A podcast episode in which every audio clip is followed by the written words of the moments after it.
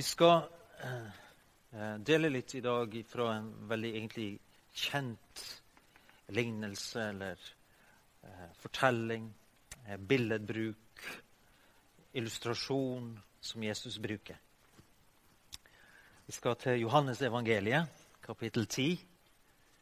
Og vi skal lese fra vers 1 til 16. Og, og Timoteus fikk beskjed om at han skulle ta, ta vare på opplesningen av Skriften. Så vi skal lese et eh, helt avsnitt, og så skal vi snakke ut ifra det.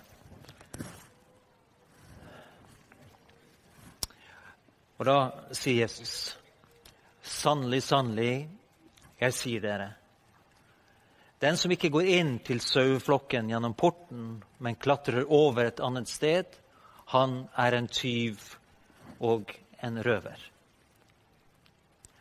Men den som kommer inn gjennom porten, er gjeter for sauene. Portvokteren åpner for han, og sauene hører stemmen hans. Han kaller sine egne sauer ved navn og fører dem ut.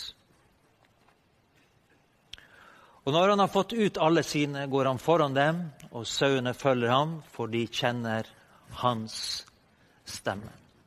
Stemmen hans. Men en fremmed følger de ikke. De flykter fra ham fordi de ikke kjenner den fremmedes stemme. Denne lignelsen fortalte Jesus, men de skjønte ikke hva han mente.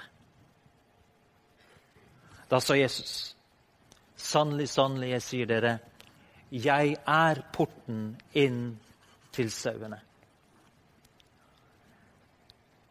Alle de som er kommet før meg, er tyver og røvere. Men sauene har ikke hørt på dem. Jeg er porten. Den som går inn gjennom meg, skal bli frelst og fritt gå inn og ut og finne beite. Tyven kommer bare for å stjele, drepe og ødelegge. Jeg er kommet for at dere skal ha liv og overflod.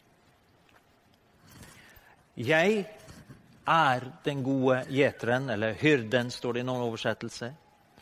Den gode gjeteren gir livet sitt for sauene. Men den som er leiekar og ikke gjeter, og som selv ikke eier sauene, han forlater dem og flykter når han ser ulven komme. Og ulven kaster seg over dem og sprer flokken. For han er bare leiekar og har ingen omsorg for sauene. Jeg er den gode gjeteren. Jeg kjenner mine, og mine kjenner meg. Slik som far kjenner meg, og jeg kjenner far. Jeg gir livet mitt for sauene.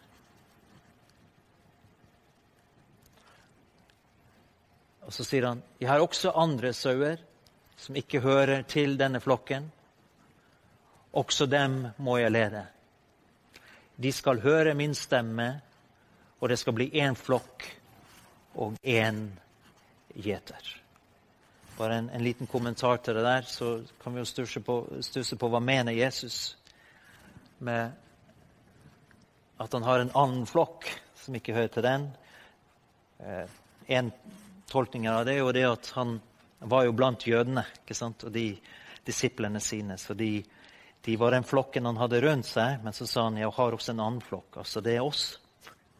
Det er oss hedninger, vi som ikke er jøder, som senere skulle komme til tro på han. Og de skulle gjøres til én flokk og én gjeter. Så uh, sauene hørt, kjente igjen hyrdens røst. Og da var det liksom ikke noe lusking, men det var full firsprang til hyrden. Jeg tenker det at eh, som mennesker, jeg og du, så eh, Jeg vet ikke om vi har så veldig lyst til å bli sammenligna med sauer. Hæ? Bæ, ja.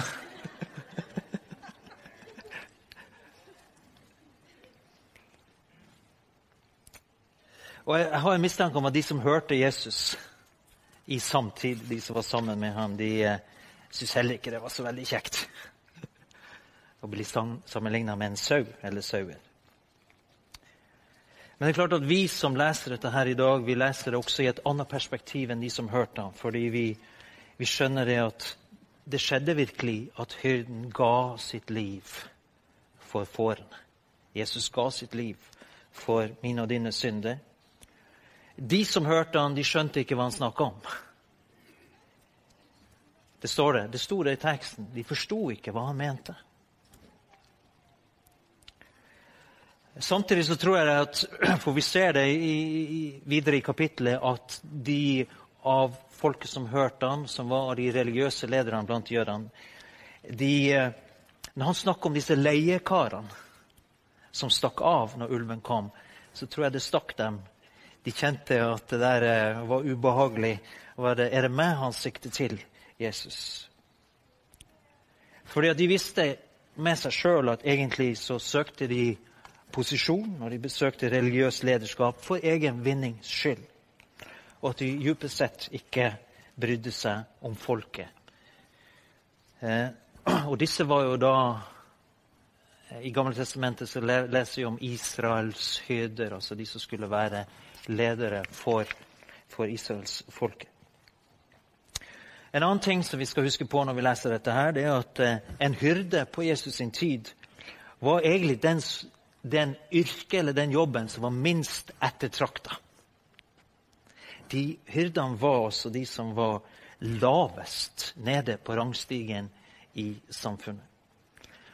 Så når Jesus sammenligner seg sjøl med en hyrde, så det er ikke nødvendigvis sånn at det klang så godt i ørene på de som hørte ham. Det var kanskje bare de som var hyrder, som syntes at dette var helt fantastisk. Hadde han sagt 'Jeg er den gode kongen', eller han hadde sagt 'Jeg er den gode profeten', da hadde de alle sagt ja. Men den gode hyrde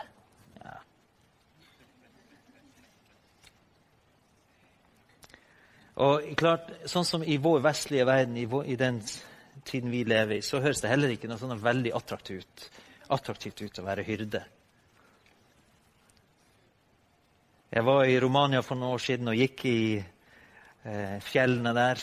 Og da var det hyrder som gikk med saueflokkene. Men de var, de var ganske fattigslige. De var ganske skitne og litt sånn Det var ikke de fineste klærne de hadde på. De, de bar preg egentlig av å være the lower class i, i samfunnet. Vi syns jo det er bedre å en rancher. det det går an.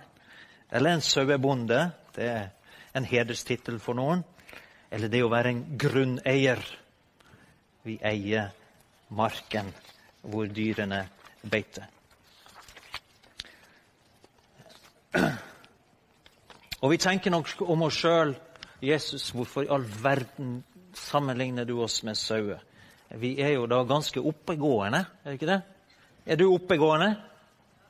Ja, du klarte nå å stå opp fra senga i dag, i hvert fall.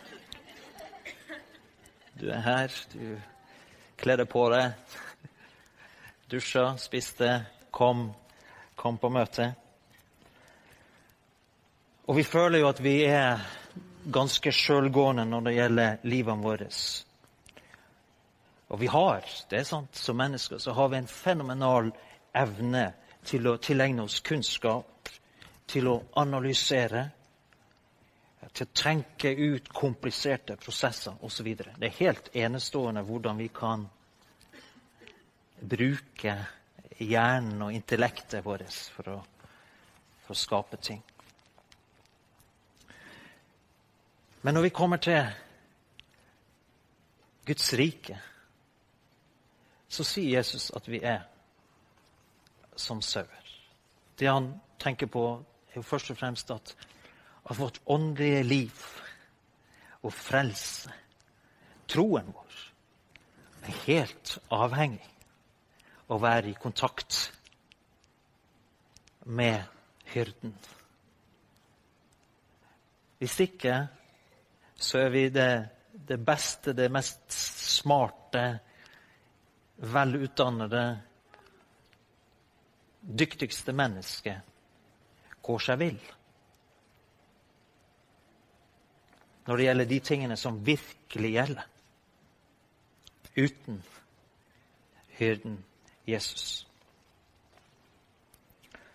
Eh, alle vi mennesker har en grunnleggende behov for til, tilhørighet. Eh, vi, eh, vi definerer oss innen familie. Hvorfor jakter så mange mennesker på sitt opphav, sin far, sin mor? Det er normalt å definere seg ut ifra familien. Når jeg reiser i Midtøsten, så blir jeg veldig ofte spurt om hvem er din far? Det er sjelden jeg hører det i Norge. Hvem er faren din? Hvor bor far din hen?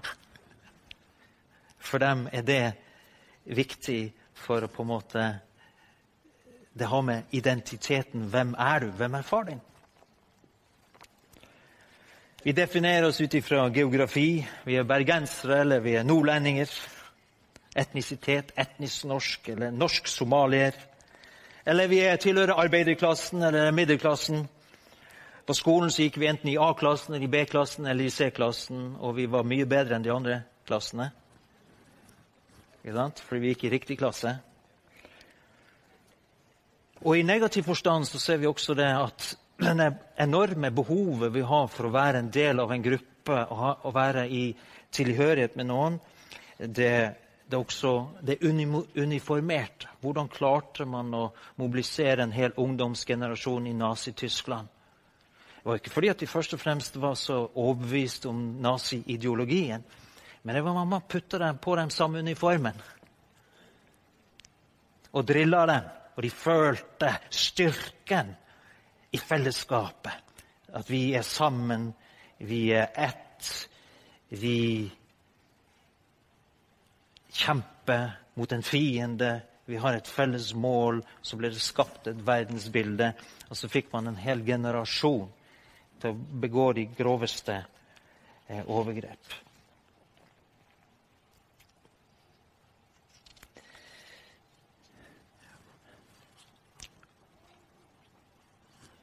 Jeg og du trenger å definere oss inn i denne saueflokken som Jesus snakker om.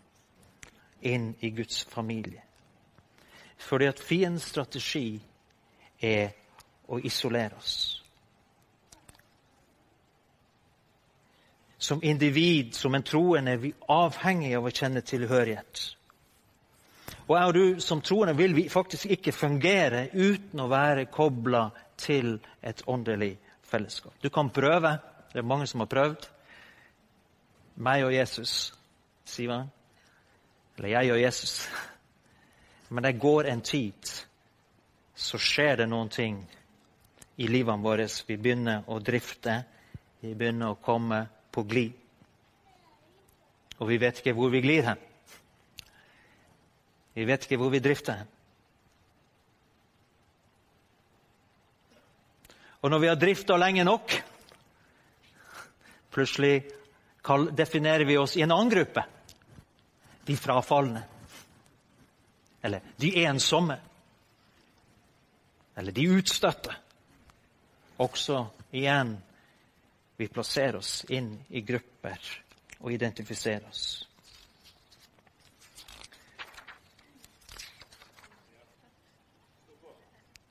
Halleluja. Jeg leste om en hyrde i USA som var stolt av yrket sitt, av jobben sin. Og Han beskriver hvordan den største gleden han har, det er å stå opp om morgenen, se ut vinduet og se saueflokken borte i åssiden. Han sier det når han går på, ved solnedgang, han går bort i fjellsiden. Så sitter han ofte en time i gresset og bare observerer disse sauene som stikker hodet ned i gresset og spise. Og han sier Det er en sånn tilfredsstillelse og en sånn glede og en sånn djup, djup indre velbehag over å observere og se disse fårene, disse sauene. Han sier det at det å være en gjeter kan være en enslig jobb. Mange ganger så blir lammene født på natten, sier han. Det er kaldt ute. Men han må stå opp. Han må gå ut på marka eller inn i fjøset. Så må han være til stede. Fordi at skal lammet komme ut i livet, så så er det veldig ofte det at, at gjeteren er der og hjelper til med å få ut lammet, er det som berger livet på lammet. Og Han beskriver hvordan den fantastiske gleden og jubelen over å være til stede på lammefødsel. Det er det lykkeligste øyeblikket i livet hans. Et nytt lam blir født. Han sier at eh, hvis, hvis, du skal ha en frisk, friske og sunne sauer, så må du sørge for at de har det beste gresset. Næringsrikt, variert gress. Han sier du må passe på at de har rent, klart vann. Og så må du beskytte dem fra rovdyrene så de ikke lever under stress, men de er trygge, harmoniske sauer. Da får du de beste sauene. Og da får du de beste lammene. Beskriv.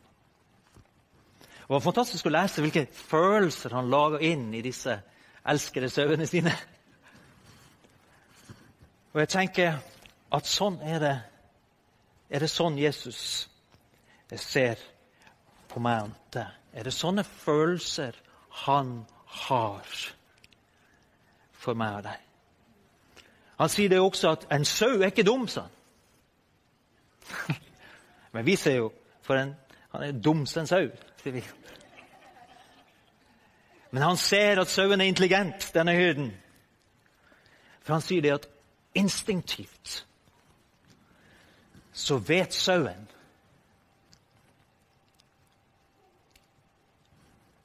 at den må holde seg til flokken. For hvis den er sammen med flokken For det første er det noe med den, det sosiale miljøet i flokken.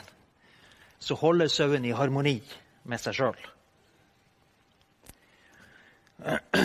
Og så er det beskyttelse i det Han sa at instinktivt så vet sauen at det å være under normale omstendigheter det å være mange sammen Denne gjeteren hadde 1000 sauer. Han passa på, han var gjeter for. Så er det en, en beskyttelse og et vern for flokken at eh, de er sammen. Han sa faren for en sau det er hvis den kommer bort ifra flokken.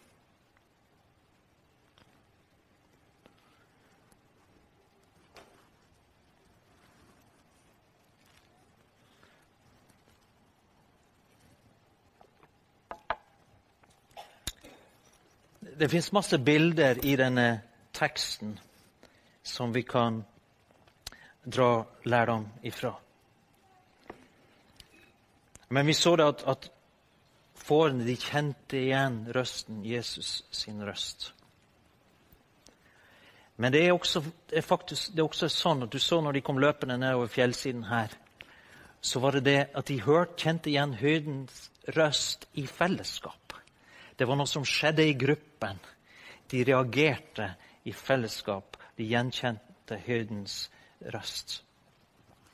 Det er klart de kunne ha gjort det individuelt også, men det var noe med at de var sammen.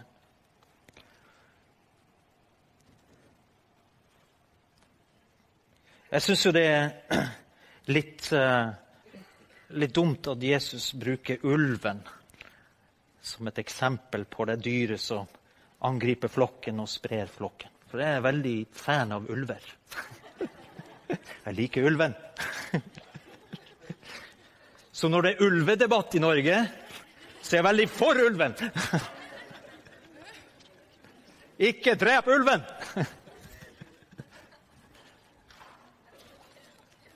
Så har vi med har vi Så det er klart Det er et bilde. Men jeg skal si det til forsvar for ulven, bare så du får det med deg. Ja, og Her har vi noe problemer med norsk sauehold. Vi slipper to millioner, ca. to millioner sauer ut i naturen, på, i utmark, på sommeren. Og så vet vi, statistisk sett, at 5-6 av disse sauene stryker med i løpet av sommeren. Vi har en kalkulert tap på 5-6% Det utgjør kanskje 120 000-130 000 sauer forsvinner i norsk natur hvert år.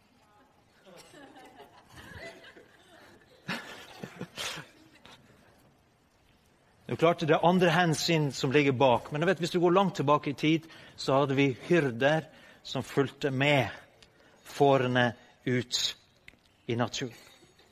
Og som var med sauene og beskyttet dem. Rundt 1900-tallet så var det sånn at da hadde man nærmest utrydda alle rovdyr i Norge. Det var veldig, veldig lite igjen.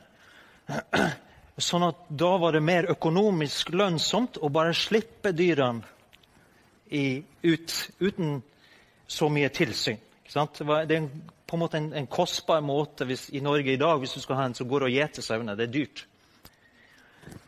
Men på, rundt denne tiden her, så da begynte man å, å slippe sauene fritt. Og Dermed så økte også antallet sauer i Norge. Men så kom vi til 70-80-tallet. Så vendte vi tilbake til, til den, at vi må, ha, vi må ha en rovdyr, vi må tillate rovdyr i naturen i Norge.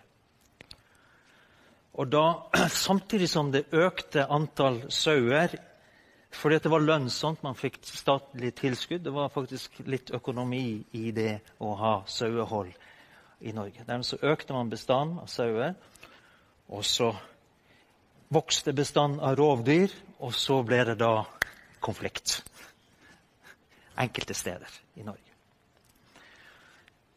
Men til ulvens forsvar Så i hvert fall ut ifra de statistikkene jeg har lest, så er det sånn at eh, ja, Man vet ikke nøyaktig, men altså i 2016, tror jeg det var, så var det litt over 17 000 av disse dyrene som man kunne dokumentere hadde blitt drept av rovdyr.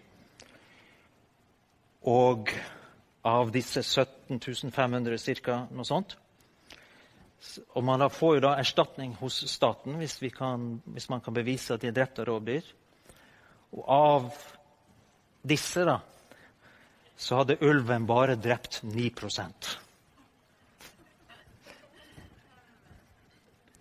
Og Så leste jeg en interessant eh, undersøkelse fra USA, fra Wyoming sa det at, eh, at de hadde introdusert uh, ulven igjen i, i, uh, i ulike parker. Der. Og så hadde de forska på den og observert den. Og det de sa, det er at hvis, hvis ulven får være Nå kan du ha helt andre meninger enn meg, men jeg kommer til poenget. det de sa, Hvis ulven får være i fred og får bygge familien sin, familieflokken sin, så går antallet husdyr som blir drept, den går ned.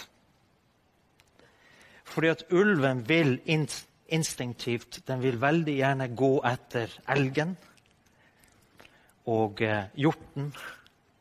Men for å klare å felle de dyrene, så må den være i flokk. Så hvis den får være i familie og i flokk, ulven, så lar den større, det er større sjanse for at den lar sauen være i fred. Så den kan jakte det som den var skapt til å jakte. Men så sa de hvis du på en måte forstyrrer denne balansen og tar ut ulv så de ikke kan leve i flokk, og du oppstår det som vi kaller for ensomme ulver, så er det at en ensom ulv han må ta det letteste byttet, for han er ensom. Han er alene, og da er det gjerne at man går på husdyr eller sau, f.eks. Det er jo ikke noe eksakt vitenskap, men jeg syns det var litt interessant å lese om. Så også ulven har behov for å leve i familie. Selv om Jesus da bruker denne i en negativ betegnelse her.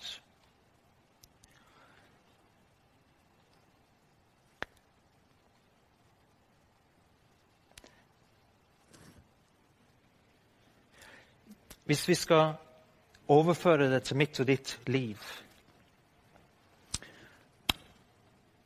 så tenker jeg at Jesus som er hyrden, som er overhyrden, han bor i mitt og ditt liv. Eh, vi snakker om at Kristus bor i oss, altså Jesus bor i oss ved Den hellige ånd. Det betyr at denne hyrden, Jesus Kristus, har lagt ned sin natur i meg og deg som tror på ham. Og Jesus sa at den som ikke sprer, han samler med meg sier Jesus.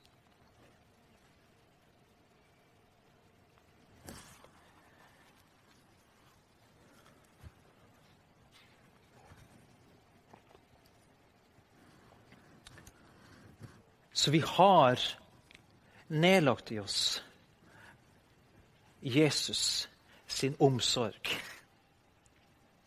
for søvn. Vi har nedlagt i oss han som var villig til å gi sitt liv for å berge sauene. For å berge mennesker.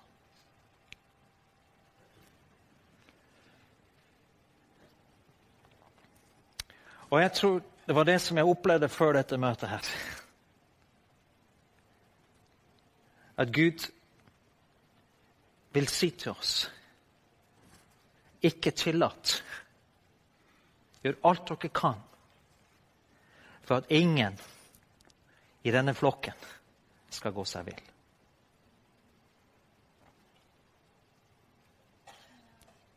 Nå snakker han om oss. Han snakker selvfølgelig om kristne generelt, men han snakker om oss. Gjør alt dere kan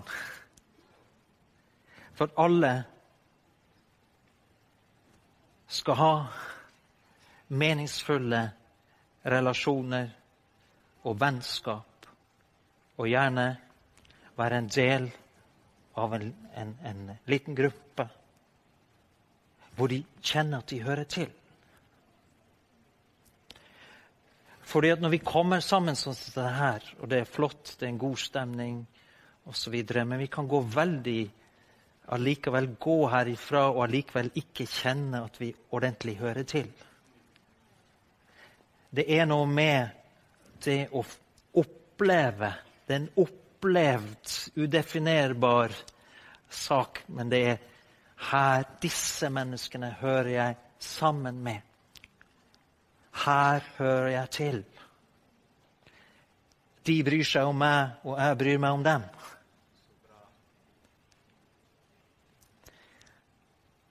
Og det er Jesus sin vilje. Han har mange flokker. Han har én stor flokk, og så har han mange mindre flokker.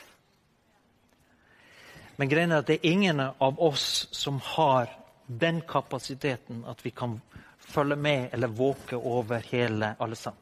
Det er helt umulig. Derfor har han nedlagt denne hyrde... Misforstå meg rett, det fins tjenestegaver som vi kaller pastor. Men har nedlagt denne hyrdehjertet, som er hans hjerte, i hver enkelt av oss. Det kommer til å ta hver enkelt av oss for å ta vare på de menneskesauene som Gud har gitt til denne menigheten. Det er ingen av oss som er ekskludert. Alle er inkludert i dette oppdraget her. Å holde flokken samlet. Vi, ingen av oss styrer over menneskers vilje. Folk er frie. De kan gå hvor de vil. De kan gjøre, altså ingen, de kan gjøre hva de vil. Måtte alle troende tilhøre et lite fellesskap og en menighet en og annen plass, om det ikke er her. Hvorfor? Jo, fordi Jesus satte oss sammen i, i flokk.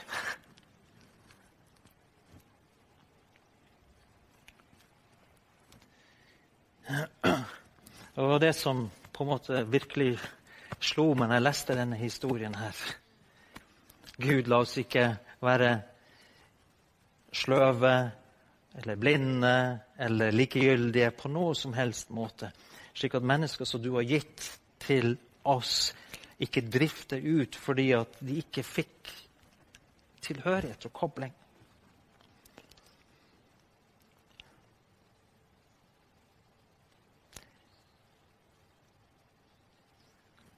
Er dere med meg? Ja. Og da er, vi, da er vi alle på Jesus sitt parti. Da er det liksom ikke bare, det er ikke den som skal gjøre det, eller den som skal gjøre det. Nei, vi alle sammen ser, vi alle sammen ber, og vi alle sammen kan gi oss sjøl inn i andre menneskers liv.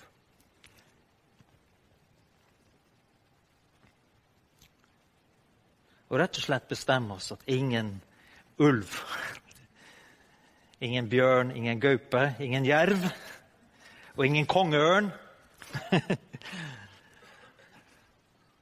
skal få ta sauene. Fordi at vi kjenner Guds vilje, og vi kjenner også djevelens vilje. Vi vet hva han har i sinnet.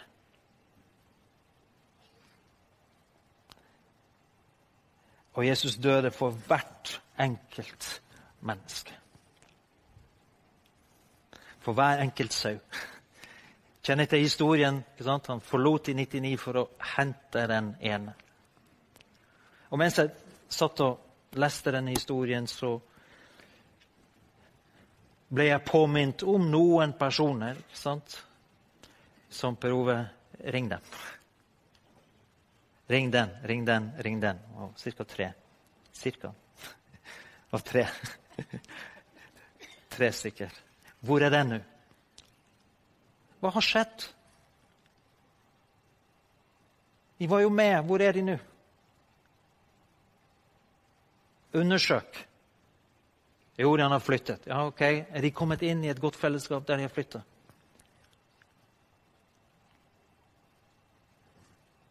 Nei, noe skjedde. De ble skuffa på noen, og så trakk de seg tilbake igjen. Og så. Hæ? Kjenner du historiene? Vet du hva? Jesus har ikke råd til å miste en eneste. Og vi har ikke råd til å miste en eneste.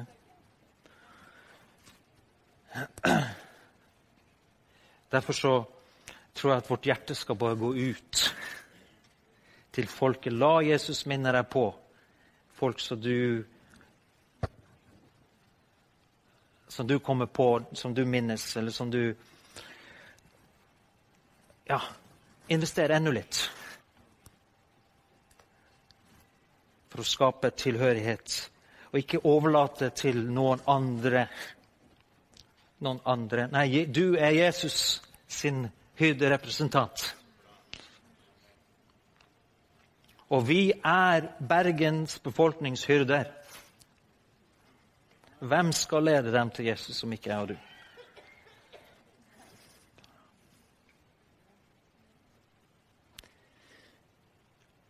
Svetlana, er du her? Yes. Eh, har vi begge på? Ja? Nei, trenger ikke min. Den. Hei. Så eh, jeg, har For en tid tilbake, Svetlana, så Så eh, fortalte du det Du var gjennom en livskrise. Ja. Og du delte litt grann om hvor betydningsfullt det var med dine venner i, i menigheten gjennom den tiden. Kan du bare si noen ting eh, om det? Eh, Jeg var veldig syk og eh, var innlagt på sykehuset og trodde jeg var, var så ille. Hold mikken litt nærmere. Eh, Ja, det var så ille som jeg kunne ikke spise, kunne ikke drikke. Alt gjør vondt. Og var høyt feber eh, flere dager, og jeg fikk intravenøs behandling hele tiden. Men da uansett feber senket ikke ned. Og så, ja, det gikk fem dager, eller sånn som uten eh, skje noe eh, positivt, kan vi si. Men i, under de dagene eh, jeg fikk besøk av mine fra Leif-gruppe, og da var uh, min hyrde i den tiden Lillian. stort stor takk for, takk for henne. Uh, hun var flere ganger, så kommer Inger Hanne, kommer eh, Elin Olga, og så flere som jeg kjenner kommer uh, Hilda og Liv. Ja, de ba for meg. Noen går akkurat sammen, noen ganger bare én. Og jeg var så dårlig som kunne ikke skrive melding på telefonen min som skjelvete fingrene som kan ikke truffe. Det var ja, ganske dårlig. Men uansett, jeg eh, hadde tenkt som Gud er med meg, og jeg ba om uh, helbredelse, og de ba om helbredelse. og uh, Hvorfor jeg må lide, eller hvorfor jeg skulle få så ille. tenker tenke meg som kanskje på tide jeg kunne dø. Eh, men eh, Og så ble skrevet eh, bønneemne, ikke av meg, men de som i min elevgruppe til søndagsmøte. Og så akkurat i den klokken 11 på søndagen tenker jeg meg og nå begynner møtet, og de begynner å be for meg. Eh, og så uh, jeg, Før det jeg hadde tenkt som jeg ba for Isai 53, som Jesus tok mine synder, mine lidelser, min sykdom på korset. Og jeg takker for den offer. Og så jeg ba for uh, Markus, um, Markus 16, 18. De som tror uh, for meg, skal jeg gi dem makt, og i mitt navn skal uh, sette, fingre, uh, sette sine hender på de syke, og de blir friske. Og jeg virkelig tror på det. Og jeg trodde på det. Og så Hvorfor ikke skjer? Og så på den søndagen uh, jeg også ba igjen, og da kommer til meg Jesus tok mine sykdommer og lidelser på korset. Jesus, ble, ble, Jesus døde for meg. Jesus ble begravd. Men han også oppstandet.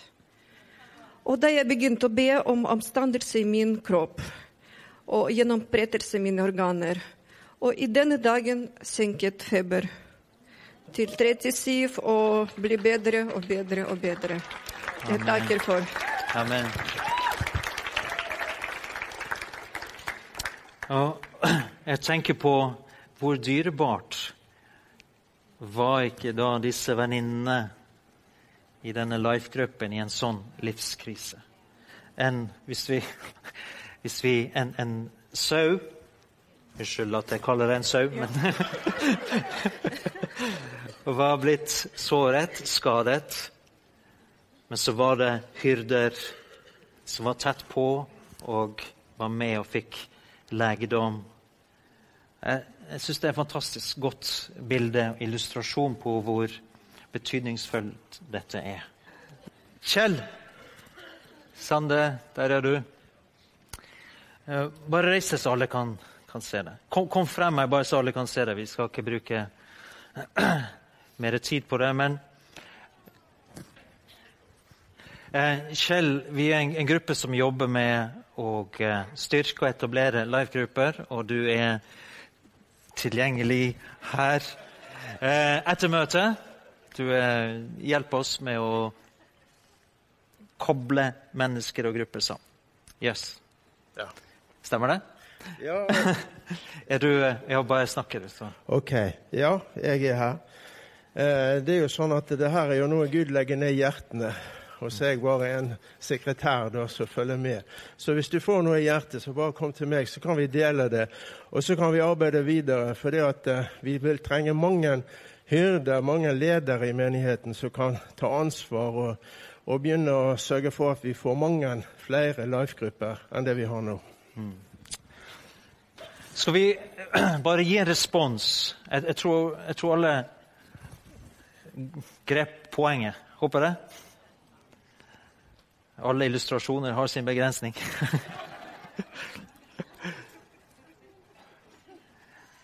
Men bare vær våken. La Jesus minne deg på mennesker.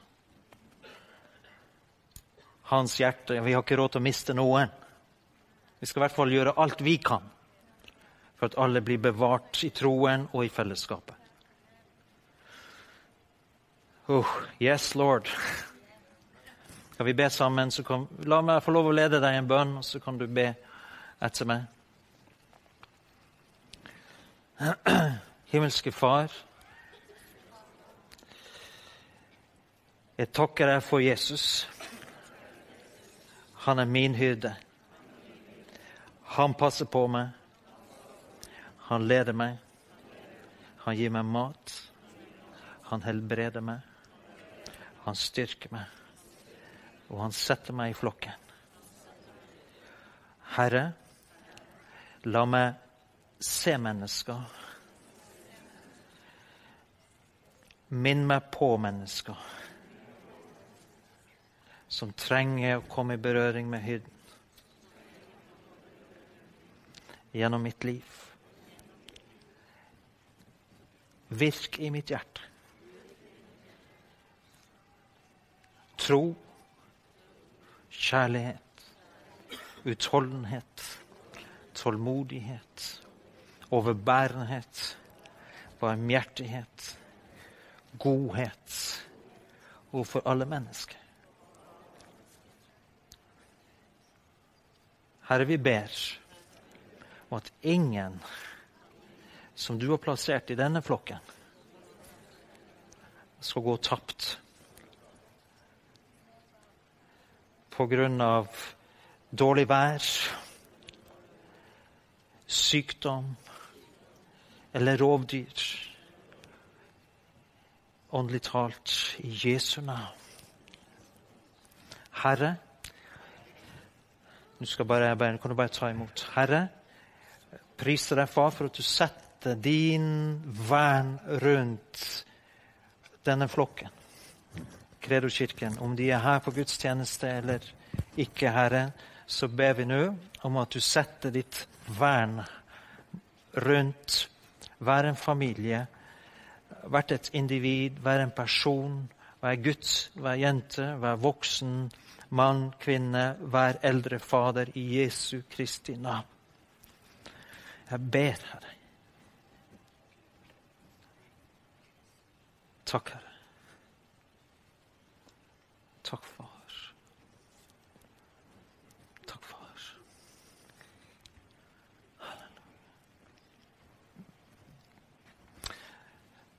Skal vi gjøre det, folkens? Ta litt initiativ. Selvfølgelig. Der er, som, som jeg sa i sted Vi presser ikke mennesker, vi, men vi tilbyr. Kom, vær med. Kom. Vær med. Vær sammen med meg. Vær sammen med oss. kom. Eller vi skal hjelpe deg å finne noen som, som Hvor det matcher, hvor det er kjemi, altså hvor du kan finne tilhørighet. Vi gir oss ikke før du finner tilhørighet. Jesu Kristi navn. Og da er vi alle sammen en nøkkel til dette. Ikke ekskluder deg sjøl, for du har både hyrden og sauen i deg. Halleluja.